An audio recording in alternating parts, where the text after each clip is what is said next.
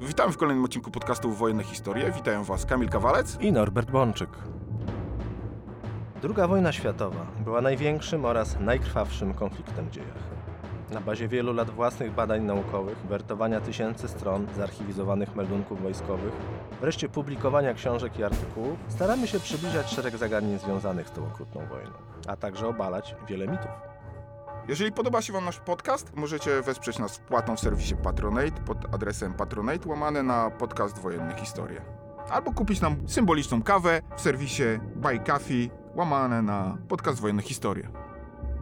Norbert, porozmawiajmy dzisiaj o najbardziej przereklamowanych siłach powietrznych II wojny światowej. Mam tu na myśli radzieckie siły powietrzne. W propagandzie radzieckiej lotnictwo odgrywało bardzo dużą rolę w pokonaniu hitlerowskich Niemiec. Ale czy było tak naprawdę? No, to jest bardzo dobre pytanie, na które z- jednej strony nie można udzielić prostej, krótkiej, jednoznacznej odpowiedzi, ale z drugiej strony tak, masz całkowicie rację. Można powiedzieć, że radzieckie siły powietrzne, czyli wojenno-wozdушne siły, w skrócie WWS, można z całą premedytacją, w oparciu o fakty, nazwać najbardziej przereklamowanymi siłami powietrznymi II wojny światowej. Oczywiście mm, radzieckie lotnictwo odegrało ogromną rolę w zwycięstwie Armii Czerwonej nad Wehrmachtem. Tyle tylko, że w gruncie rzeczy Armia Czerwona zwyciężyła Niemców słabością swojego przeciwnika i Zwyciężyła go przede wszystkim na lądzie. W morderczej wieloletniej wojnie, zadając olbrzymie straty niemieckiej machinie wojennej. Natomiast jeżeli spojrzymy na wojnę w powietrzu i na wojnę na morzu, to w gruncie rzeczy Rosjanie nie pokonali Niemców ani w powietrzu, ani na morzu, bo zarówno Kriegsmarine na Bałtyku zachowało zdolność do projekcji siły i działań do ostatniego dnia wojny, a tak naprawdę nawet jeszcze działało na tym Bałtyku kilka i kilkanaście dni po zakończeniu II wojny światowej, czyli po 9 maja 1945 roku. I niemieckie siły powietrzne Luftwaffe zachowały zdolność do projekcji siły do ostatniego dnia wojny, to znaczy na froncie wschodnim ostatnie działania bojowe z udziałem niemieckiego lotnictwa to jest właśnie 9 maja 1945 roku. Ale to samo w sobie nie jest jeszcze jakby może punktem odniesienia do naszej dzisiejszej rozmowy. Punkt odniesienia jest inny. To znaczy, kiedy się analizuje, śledzi działania wojenne na froncie wschodnim, to takie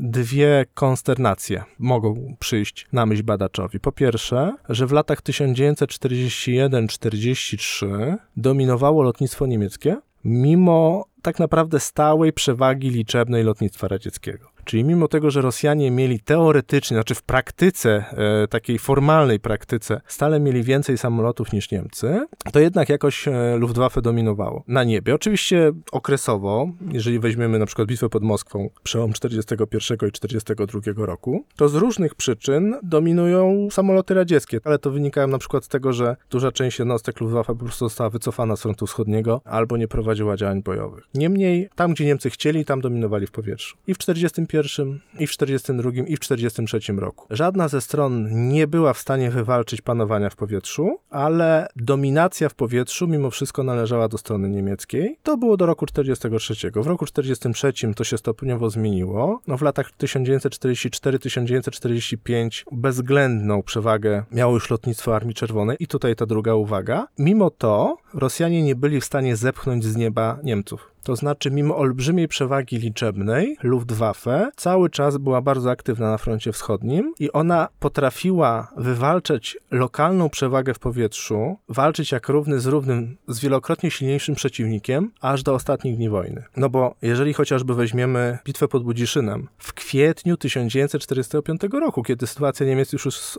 całkowicie beznadziejna i tam między innymi walczy pod Budziszynem druga armia Wojska Polskiego.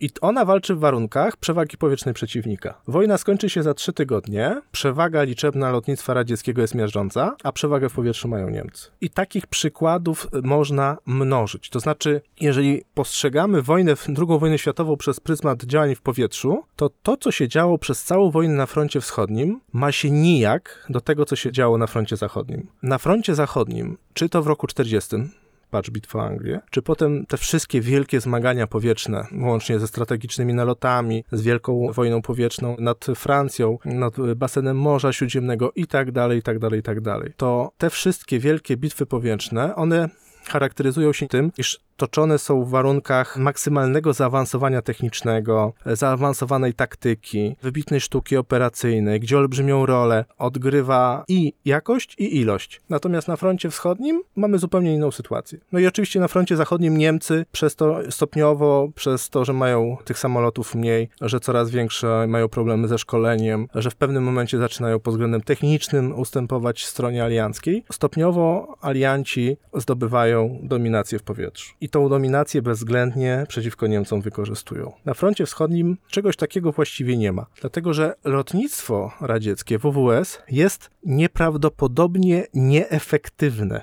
Jest to najbardziej nieefektywna część radzieckich sił zbrojnych i jest to, można śmiało powiedzieć, najbardziej nieefektywne lotnictwo w historii II wojny światowej. I to się przekłada zarówno w działaniach powietrznych, to znaczy w walce z lotnictwem przeciwnika, jak i z oddziaływaniem na jego zaplecze, oddziaływaniem w wymiarze operacyjnym. Czyli o ile na poziomie taktycznym lotnictwo radzieckie jest niezwykle aktywne i zadaje Niemcom mimo wszystko dosyć duże straty. O tyle na poziomie operacyjnym lotnictwo radzieckie jest praktycznie nieefektywne. I to pomimo włożenia olbrzymiego wysiłku w to, żeby jakąś efektywność uzyskać, zaangażowania bardzo dużej liczby samolotów itd., tak itd., tak lotnictwo radzieckie strategicznie praktycznie w ogóle nie istnieje, operacyjnie jest bardzo niewydajne i funkcjonuje na poziomie właściwie tylko taktycznym, a mówimy o lotnictwie właściwie no jednym z trzech, powiedzmy, największych sił powietrznych świata, bo lotnictwo WWS obok US Army Air Force i Royal Air Force to są największe siły powietrzne II wojny światowej. My mówimy o potencjale na papierze, no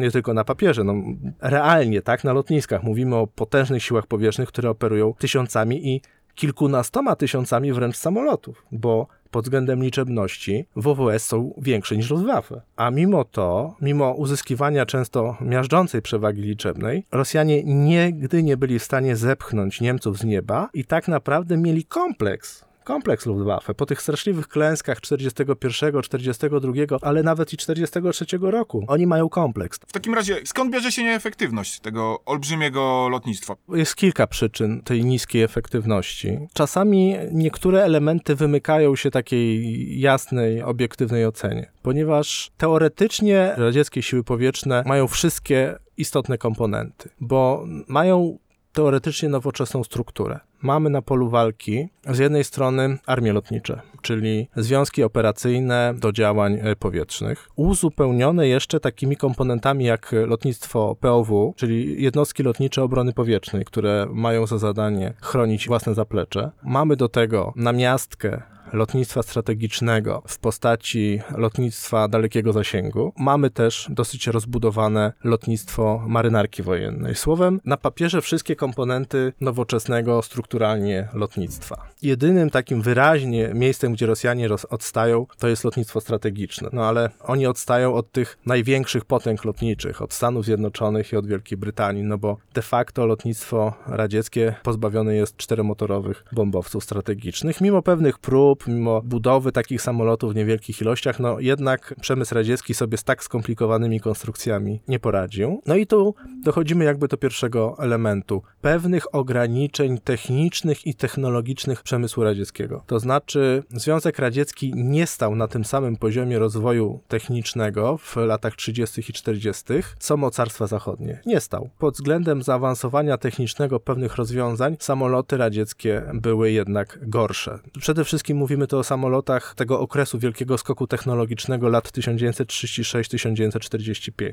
No bo jednak bardzo wiele czasu Rosjanom zajęło to, żeby zbudować myśliwiec, który w sposób jednoznacznie byłby porównywalny z niemieckimi odpowiednikami, a z amerykańskimi odpowiednikami czy z brytyjskimi nie był nigdy. Znaczy nigdy Rosjanie nie mieli analogu tak nowoczesnych czy tak zaawansowanych technicznie samolotów jak P-51 późnych wersji Tempest czy najbardziej zaawansowane odmiany Spitfire'a. No i tak samo w roku 40 nie mieli realnego analogu wobec Spitfire'a pierwszych wersji, a w roku 41 najnowsze odmiany Messerschmittów były lepsze od każdego radzieckiego myśliwca. Tak samo jak w roku 42 Focke-Wulf 190 był myśliwcem, który w gruncie rzeczy kurował nad większością maszyn radzieckich. Tak naprawdę dopiero w roku 1944 Rosjanie wprowadzili do służby myśliwce, które były już w pełni porównywalne z niemieckimi. Takim szczytowym osiągnięciem radzieckiej myśli technicznej był bez wątpienia myśliwiec Ławłoczkin Ła-7 który zadebiutował na polu walki latem 1944 roku. Ale Rosjanie jakby, ich samoloty nieco odstawały technicznie. Tak jak powiedziałem, oni nie byli w stanie za bardzo skonstruować bombowca czteromotorowego,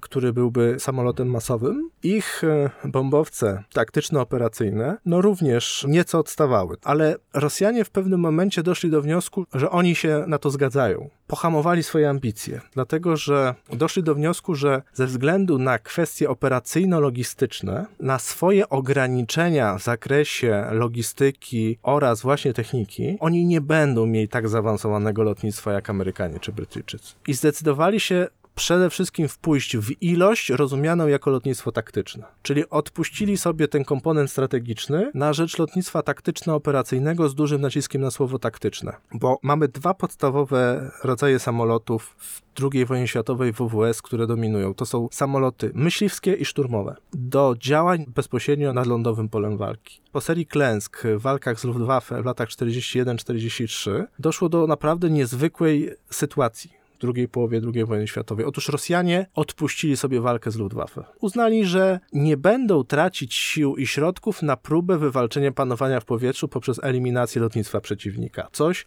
co z punktu widzenia doktryny państw zachodnich no brzmi jak najgorsza, niewyobrażalna herezja. No jak to? Dla Amerykanów czy Anglików w 43, 44 czy 45 roku walka bez dominacji w powietrzu własnego lotnictwa była nie do przyjęcia. Rosjanie też uznali, że muszą dominować w powietrzu, ale zupełnie inaczej niż Amerykanie czy Brytyjczycy. Oni dominowali w powietrzu masą i lekceważyli lotnictwo przeciwnika, gdyż uznali, że zbyt dużo wysiłku będą musieli włożyć w to, żeby zniszczyć potencjalnie lotnictwo przeciwnika i będą tak długo walczyć z tym lotnictwem przeciwnika, że to się odbije kosztem ich wojsk lądowych w postaci bezpośredniego wsparcia pola walki. Więc oni odpuszczali walkę z Luftwaffe na rzecz wyłącznie skupienia się na zadaniach bezpośredniego, bliskiego wsparcia pola walki. To był absolutny priorytet dla WWS. Własnymi myśliwcami chronić własne wojska naziemne i własne misje szturmowe, a samolotami szturmowymi atakować bezpośrednio wojska przeciwnika na linii styczności wojsk i na bliskim zapleczu. I doszło do takiej absurdalnej sytuacji, że Rosjanie po prostu nie chcieli często latać dalej niż tylko kilkadziesiąt kilometrów za pozycję przeciwnika. Innymi słowy, owszem, prowadzili misje o charakterze operacyjnym, zwłaszcza lotnictwo dalekiego zasięgu, ale tak naprawdę ich podstawowe lotnictwo, czyli myśliwce i szturmowce, trzymały się blisko linii frontu i nie zapuszczały się daleko na tyły niemieckie. Oczywiście oni prowadzili operacje quasi strategiczne, no, w 1941 roku nawet ważyli się zbombardować Berlin, ale to były misje o charakterze bardziej takim demonstracyjnym, przede wszystkim misje taktyczne, taktyczne, taktyczne. Zwłaszcza oni do tego doszli w roku 42-43, bo z początku jeszcze w 1941 roku to mieli takie nowoczesną wizję lotnictwa wielopoziomowego, właśnie taktyczne, strategiczne, operacyjne, no ale klęski, jakie ich spotkały w 1941-1942 roku, Związek Radziecki znalazł się na skraju upadku, no to dowództwo Armii Czerwonej wyszło z dosyć mądrej przesłanki, no że nie stać nas na eksperymenty, czy jakieś tak zwane fanaberie jakiegoś lotnictwa strategicznego, czy jakichś głębokich operacji powietrznych. Skupiamy się na tu i teraz na walce na linii frontu. No właśnie, i jak im to wychodziło? Tutaj paradoksalnie to im zaczęło wychodzić. Zaczęło im to wychodzić, kiedy skumulowali efekt masy. To znaczy, lotnictwo radzieckie, tak jak powiedziałem, było nieprawdopodobnie nieefektywne. Przez całą wojnę, od pierwszego do ostatniego dnia wojny, to jest najbardziej nieefektywne lotnictwo mocarstw. Tą nieefektywność jednostki, eskadry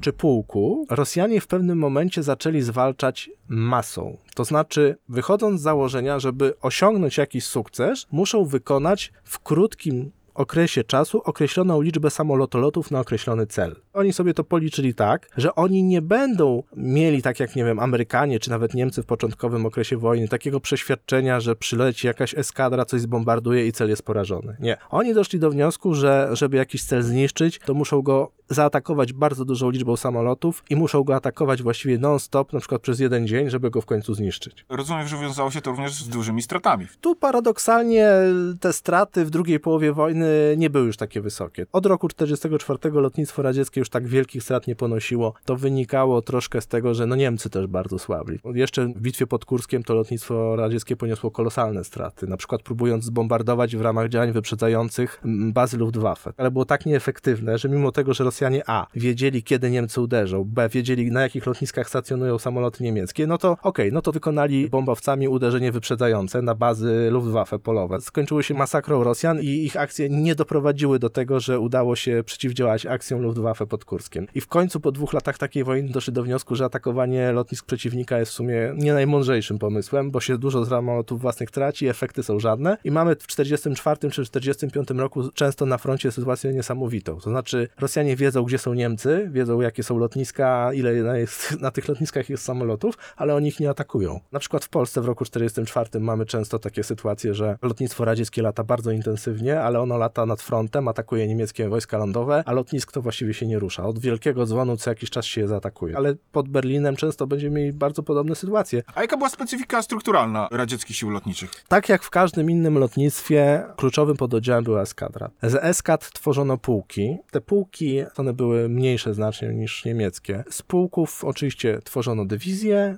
z dywizji korpusy, z korpusów armie lotnicze. Pułki musiały być jednolite. Był pułk myśliwski, był pułk szturmowy, pułk bombowy, pułk nocnych bombowców, etc., etc.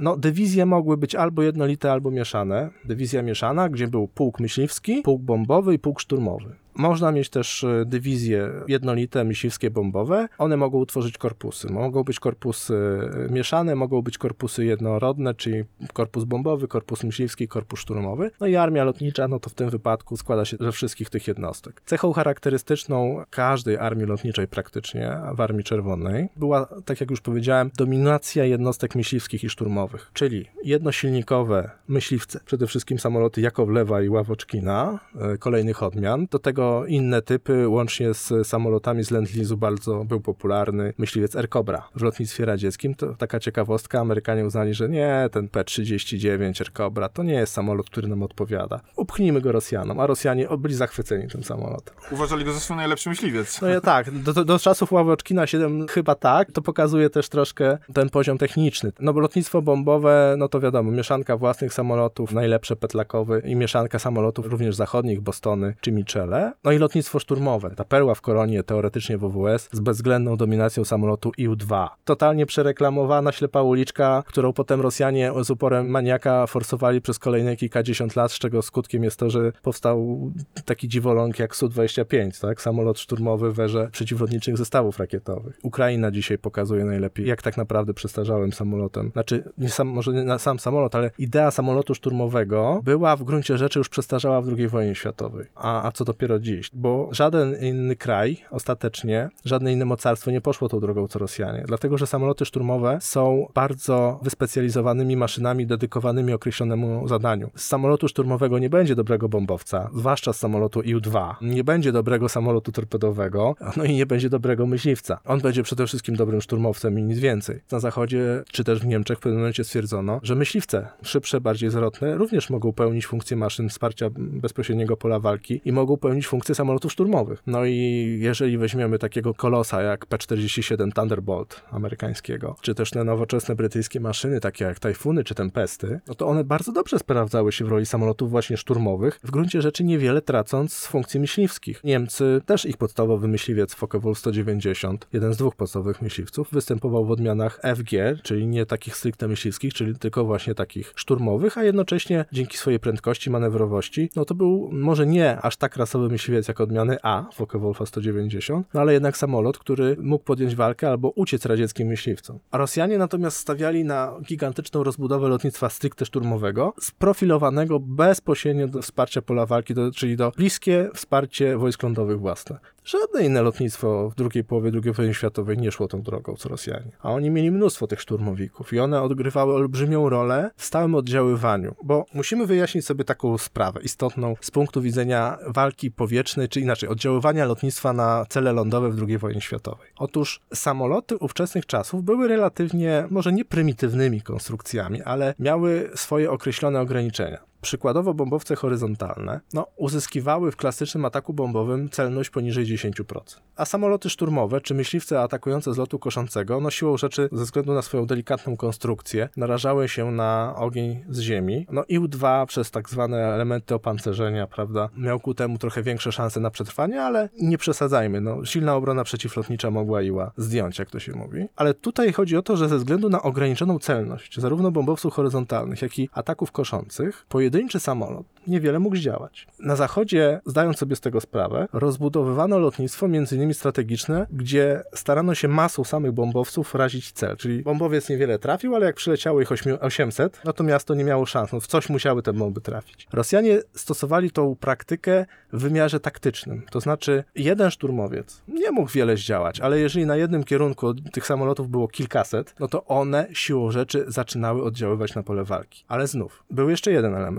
Mimo wszystko cele ruchome, przeciwnik na ziemi, bardzo trudno jest go trafić. Ale lotnictwo, jeżeli cały czas wisi nad polem walki, może sparaliżować ruch nieprzyjaciela. A jeżeli sparaliżuje ruch nieprzyjaciela, to odetnie go od zaplecza, sparaliżuje jego logistykę, uniemożliwi mu manewr. I Rosjanie tutaj wypracowali sobie bardzo ciekawą taktykę walki, polegającą na tym, że nad określony cel wysyłali eskadry samolotów szturmowych. Co jakiś czas kolejną eskadrę, co jakiś czas kolejną eskadrę. I jednorazowo nad celem tych samolotów nie było może dużo, ale one się rotowały. I Rosjanie potrafili w 44 czy 45 roku oddziaływać na określony cel przez wiele godzin danego dnia, stale nękając czy też izolując własnym lotnictwem szturmowym. I ta taktyka w roku 44 zaczęła wreszcie przynosić efekty. Natomiast Rosjanie mieli słabą logistykę, jeśli chodzi o lotnictwo i ona, ta logistyka zaczęła się dopiero poprawiać pod koniec wojny dzięki dużym dostawom Lend-Lease. Ale logistyka była uzależniona od liczby ciężarówek, od liczby podzespołów. Trzeba pamiętać, że silniki na przykład montowane do płatowców samolotów, one miały dosyć krótki resurs. Żywotność takiego silnika była relatywnie krótka. Rosjanie mieli problem z metodycznym uzupełnianiem części zamiennych, dosyłaniem nowych silników i dosyłaniem amunicji dla swoich jednostek lotniczych przez cały okres II wojny światowej. To wynikało chociażby z tego, że były okresy dynamicznych ofensyw Armii Czerwonej i to lotnictwo nie nadążało przebazowywać się, a nawet jak same jednostki lotnicze się przebazowały, no to logistyka tych jednostek nie nadążała, bo Rosjanie mieli kilkanaście tysięcy samolotów, no i trzeba było te kilkanaście tysięcy samolotów zaopatrzyć w paliwo, w bomby, w amunicję, w zapasowe silniki, w części itd., tak itd. Tak to powodowało, że u Rosjan były interwały interwały aktywności, okres dużej intensywności lotów bojowych naprzemiennie przeplatał się z okresem całkowitej bierności. To było coś zupełnie odwrotnego niż na przykład lotnictwo alianckie, czy nawet lotnictwo niemieckie, które latało, jeżeli było paliwo w przypadku Niemców, to latało non-stop. U Rosjan tak nie było. Można było w danym miejscu zebrać dużo sił powietrznych, przez kilka dni bardzo intensywnie latać, a potem wszystko siadało. Czyli jednego dnia armia lotnicza mogła wykonać 1500 samolotolotów, drugiego dnia znowu 1500 samolotolotów, a trzeciego dnia już właściwie nie latać. Lotnictwo dalekiego zasięgu, na przykład latem 1944 roku, bardzo intensywnie latało. Tak intensywnie latało, że się im w sierpniu bomby skończyły i benzyna. Do tego stopnia, że potem przez parę miesięcy na centralnym odcinku frontu w ogóle nie mogli latać, bo nie mieli ani benzyny, ani bomb. Mało tego, niewłaściwy dowóz silników. Dowódca każdej radzieckiej armii lotniczej, korpusu, dywizji wiedział, że on nie dostanie w odpowiednio szybkim czasie odpowiednich uzupełnień. No i co oni robili? Jak oni sobie z tym radzili? Musieli cały czas latać nad linią frontu, ale wiedzieli, że logistyka jest niewydolna. Więc brał dowódca korpusu dywizję. W tej dywizji było powiedzmy kilka pułków samolotów szturmowych i on na jeden dzień wyznaczał tylko jeden pułk szturmowy. Czyli w poniedziałek latał pułk pierwszy pułk, we wtorek drugi i tak dalej, i tak dalej, żeby była rotacja, żeby cały czas ktoś latał na linię frontu, ale wszystkie pułki naraz to leciały tylko od wielkiego dzwonu czyli pierwszego, drugiego, trzeciego dnia wielkiej ofensywy, a potem już nie. Jeżeli ktoś weźmie strukturę Armii Czerwonej na danym froncie w 44 czy w 45 roku i zobaczy, o matko, oni mają 1500 samolotów szturmowych w tym pasie, no to jest potęga. Ale to nie rozumie tego, że jednorazowo Rosjanie mogą użyć tylko 250 tych samolotów, bo jak użyli ich 1500, to owszem, mogą ich użyć, ale przez 3 dni, a potem one już w ogóle będą stały. Coś niewyobrażalnego dla amerykańskiego czy brytyjskiego lotnictwa. Jak samolot, no to lata. Jak się zepsuje, to wymienia zmieniamy silnik i lata dalej. Dlatego w 44 czy w 45 roku często było tak, że lotnictwo radzieckie uderzało razem z wojskami lądowymi pierwszego, drugiego, trzeciego dnia ofensywy, potężne uderzenie, wsparcie, tysiące samolotolotów dziennie, a potem Armia Czerwona szła do przodu i ich lotnictwo zostawało z tyłu i nagle Niemcy zaczynali dominować w powietrzu. Ponieważ całe lotnictwo radzieckie skupiało się na uderzeniu na wojska Heer, czyli na wojska lądowe niemieckie, a Luftwaffe no, no jest jakieś tam niemieckie Luftwaffe, ale my z nimi nie walczymy. No czy to brzmi może absurdalnie, ale podam przykład operacji Bagration. Wszyscy mówią, że operacja Bagration to była wielka klęska Niemców i wielkie zwycięstwo Armii Czerwonej. Mało tego, wszyscy podkreślają, że po raz pierwszy w tej wojnie to Niemcy, niemieccy generałowie w swoich wspomnieniach, czy zwykli żołnierze w swoich wspomnieniach, to wyraźnie podkreślają, że po raz pierwszy od wybuchu wojny, czyli po trzech latach, lotnictwo radzieckie zdominowało pole walki na Białorusi. Że te cofające się masy niemieckich e, wojsk z Białorusi, te, które wyszły z kotłów, były po prostu masakrowane przez też lotnictwo szturmowe radzieckie, że, że po prostu Rosjanie dominowali w powietrzu. I to jest prawda, ale to jest znowu prawda nie do końca. To znaczy,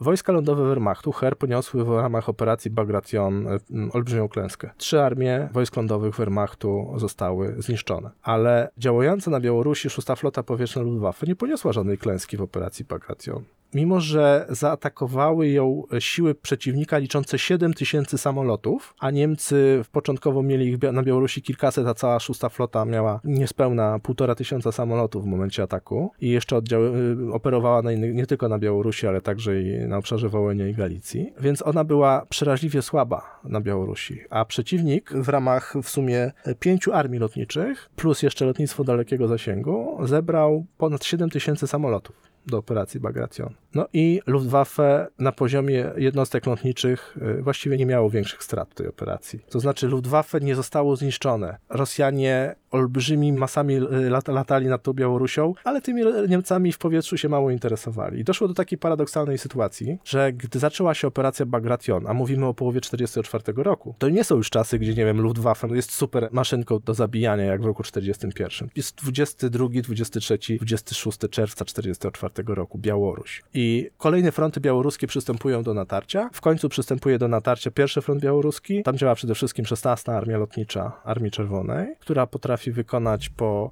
kilka tysięcy samolotów dziennie. Ona ma setki myśliwców, setki samolotów szturmowych. A Niemcy w pasie tej 16 armii lotniczej przeciwnika mają jedną eskadrę myśliwców na całą Białoruś. Mają kilkanaście Focke-Wulfów 190. To jest eskadra sztabowa 51 Pułku Myśliwskiego Luftwaffe. Mają Niemcy 15 Focke-Wulfów. Przeciwnik w tym konkretnym przypadku, czyli 16 armia lotnicza przeciwnika ma nad nimi przewagę w myśliwcach 110 do 1. No i co się stało? Niemcy kosztem kilku samolotów zameldowali strącenie ponad 50 radzieckich i latali dalej. No właśnie, to jest tym bardziej dziwne, że kiedy czyta się meldunki radzieckich myśliwców, to oni zestrzeliwują niemieckie samoloty masowo. Tutaj poruszyłeś bardzo istotną sprawę, która nawet zasługuje na osobny podcast. Znaczy, praktycznie każdy as II wojny światowej, czy to amerykański, brytyjski, niemiecki, czy radziecki, no bardzo mocno rozmijał się z rzeczywistością. Te głupoty, które Rudel czy Hartmann, mówię to o niemieckich asach, tak Hartmann był niby taki super as, który który to miał nieprawdopodobną liczbę zestrzeleń, nakłamał straszliwie. Większość jego domniemanych sukcesów nie znajduje potwierdzenia w radzieckich dokumentach, ale nawet Hartmann blednie przy praktycznie każdym radzieckim pilocie myśliwskim, bo no tak jak oni nakłamywali w swoich raportach, to nikt nie kłamał.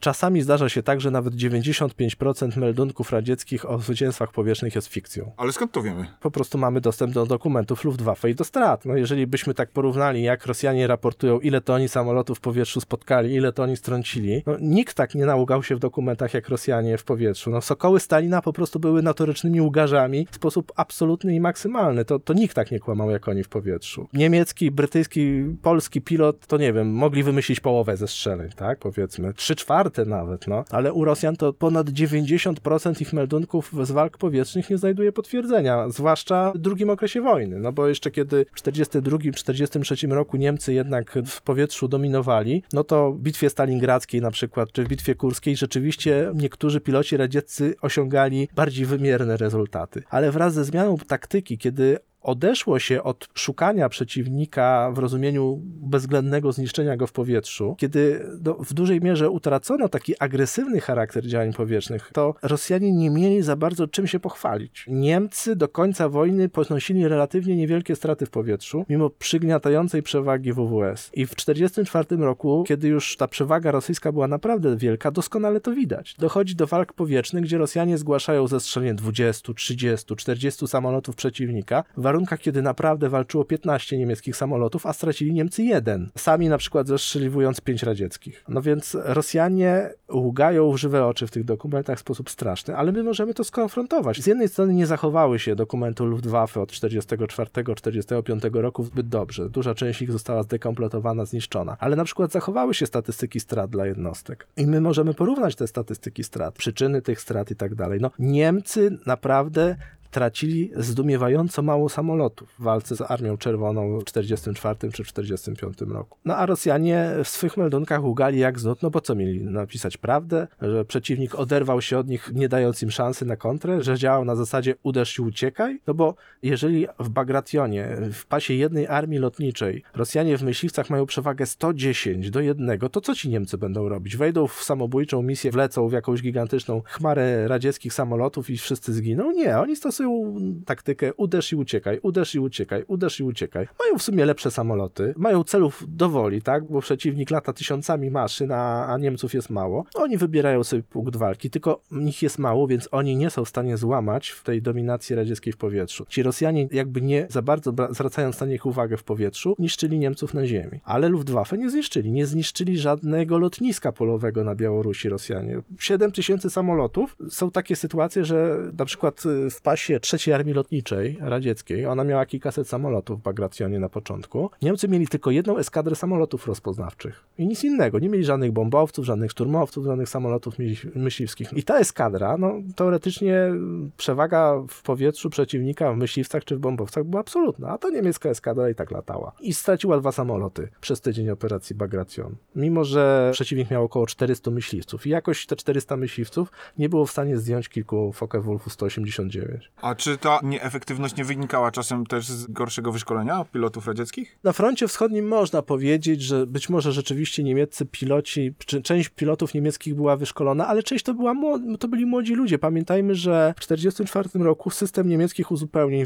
nowych pilotów nie działał dobrze. Były braki paliwa, były braki w szkoleniu i ci młodzi niemieccy piloci nie byli jakoś specjalnie lepiej wyszkoleni niż ich radzieccy odpowiednicy. Oczywiście asy latały, tak, ale oprócz tego była cała masa młodego na rybku, która wcale nie była jakoś specjalnie lepiej wyszkolona. Tutaj decydowało raczej to, że Rosjanie mieli specyficzną taktykę. Oczywiście oni mieli tak zwane e, wymiatania, czyli takie loty w bliskim zapleczu frontu, atakowanie szlaków komunikacyjnych i tak dalej, ale to było mimo wszystko ograniczone. Rosjanie bardzo bali się zastrzelenia na, na nie, za niemieckimi liniami, dlatego że pilot, czy to szturmowca, czy myśliwca, czy bombowca, który został zastrzelony za niemieckimi liniami, no lepiej było dla niego, żeby zginął, bo jeżeli dostał się do niewoli, no to ryzykował to, że zostanie okrzyknięty zdrajcą i trafi do łagru. W związku z czym Rosjanie nie chcieli latać za niemieckie linie za daleko. No jeszcze na linii frontu to tak, bo można uszkodzonym samolotem dociągnąć do swoich. No to wtedy, no, no samolot rozbił, ale wrócił. Znaczy, że bohat może nie bohater, ale dobry żołnierz. Ale oj, dostać się do niewoli dla rosyjskiego lotnika. No problem polegał na tym, że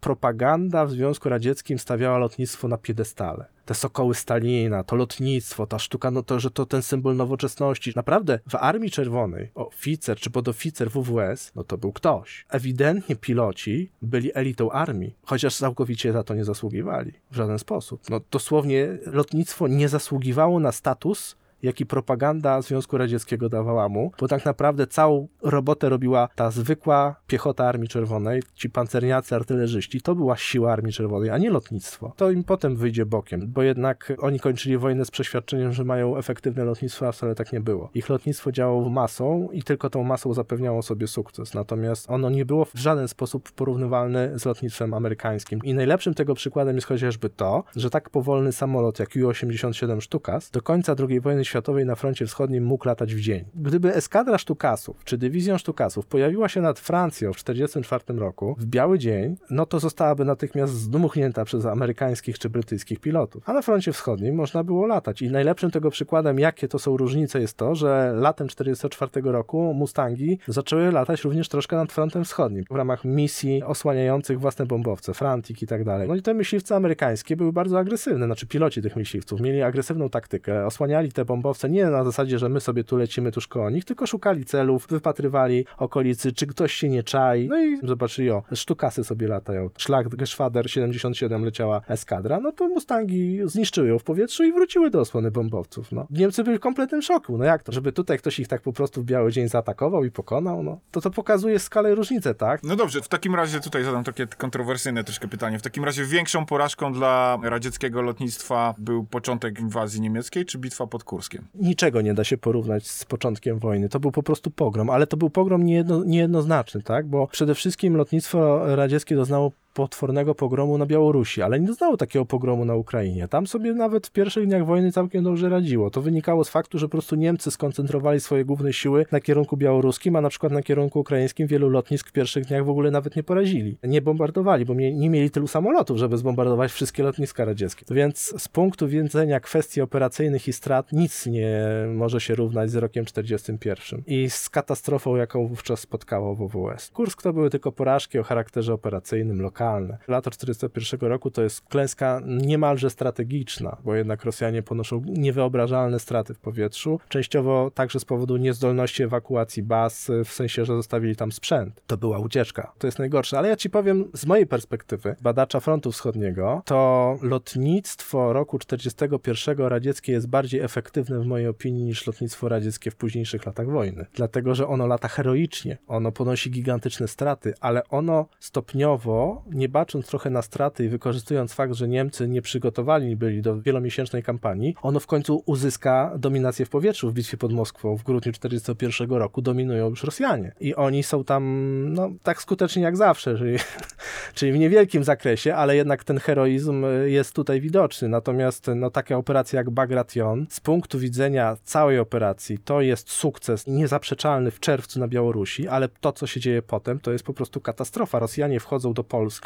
w lipcu 1944 roku i e, dominuje w powietrzu Luftwaffe. Rosjanie podchodzą pod Wisłę, zbliżają się do Warszawy w warunkach dominacji w powietrzu Luftwaffe, ponieważ oni nie są w stanie się e, ogarnąć z, z szybkim przemieszczaniem własnych baz, a potem kompletnie posypie im się logistyka. I oni tą logistykę będą odtwarzać miesiącami. Ta nieefektywność tych mas lotniczych jest porażająca. To, że Niemcy latają cały czas, że nie dali się zepchnąć z nieba, że okresowo uzyskują panowanie w powietrzu albo dominację w powietrzu, czy to w 1944 czy 1945 roku, to jest dla Rosjan kompromitujące. Tak naprawdę to lotnictwo WWS pod koniec wojny, mimo że zwycięskie, jeżeli się rozpisze w szczegółach, jak to wszystko wygląda, to te działania wojenne w 1944-1945 roku są dla Rosjan kompromitujące. Rzeczy, które się w, na, już w roku 1943 nie były po prostu niewyobrażalne na froncie zachodnim, żeby niemiecki pułk bombowy sobie tak po prostu w nocy poleciał i zbombardował jakieś miasto nad Anglię. Był ten drugi Blitz w 1944 roku, gdzie jednak Niemcy ponosili straty, gdzie to się w końcu wszystko posypało. Ta operacja nie była udana. A na wschodzie, lato 1944 roku, Niemcy sobie latają, misja nocna, a to zbombardowali takie miasto, a to takie, strat zero, a może jakiś jeden samolot nie wrócił. To jest nieporównywalne. I to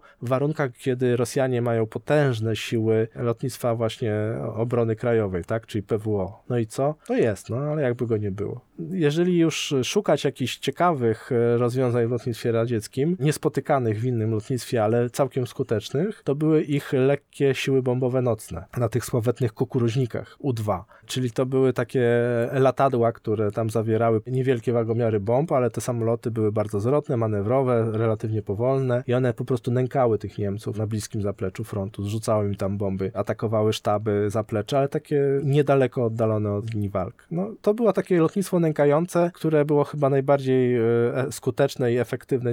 Żadna inna armia nie miała takiego, no ale no, powiedzmy szczerze, no Amerykanie uznali, że takie im jest po prostu niepotrzebne. Mieli potężne lotnictwo. Oni nie potrzebowali jakiegoś tam lotnictwa nękającego nocnego, bo mogli rozstrzygnąć wszystko lotnictwem, które mieli pod ręką. Jednak działania nękające nocne charakteryzują słabszą stronę. Chyba zgodzisz się, Norbert, ze mną, że absolutnie nie wyczerpaliśmy tego tematu dzisiaj. Będziemy musieli szczegółowiej pewnie wrócić w którymś odcinku. A- Tak, no jest zresztą bardzo ciekawe zagadnienie, ponieważ Rosjanie padli ofiarą własnej propagandy. To znaczy oni wyciągnęli z II wojny światowej błędne wnioski. Oni myśleli, że ich system lotniczy się sprawdza, a się nie sprawdził. Oni byli tylko silni słabością swojego przeciwnika i Potem to skutkowało tym, że, że tak naprawdę nigdy Rosjanie nie, na wielu płaszczyznach nigdy nie udało im się dogonić pod względem zaawansowania technicznego i rozwiązań taktyczno-operacyjnych e, lotnictwa mocarstw zachodnich. Jedyne, co mogę powiedzieć naszym słuchaczom, że na pewno do wielu z tych wątków wrócimy. Dziękuję ślicznie i do usłyszenia. Dziękuję bardzo.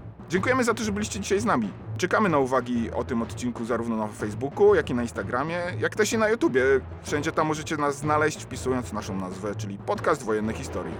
Dziękujemy Wam bardzo również za wsparcie, jakiego udzielacie nam w serwisie Patronate. To dla nas niesamowita sprawa i daje nam to niezwykłego kopa do dalszego działania. Bardzo za to dziękujemy i do usłyszenia do następnego odcinka.